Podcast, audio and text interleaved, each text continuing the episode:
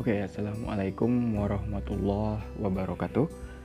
Uh, kembali lagi bersama saya Randa Hayu.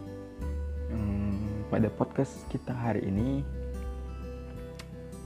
um, ya sebelumnya perkenalkan, saya Randa Hayu dari SMA Negeri 1 Koba, um, salah satu guru seni budaya yang mengampu pendidikan di Universitas Sarjana Wiyata Mahasiswa jadi di SMA Tokoba saya mengajar untuk kelas 11 um,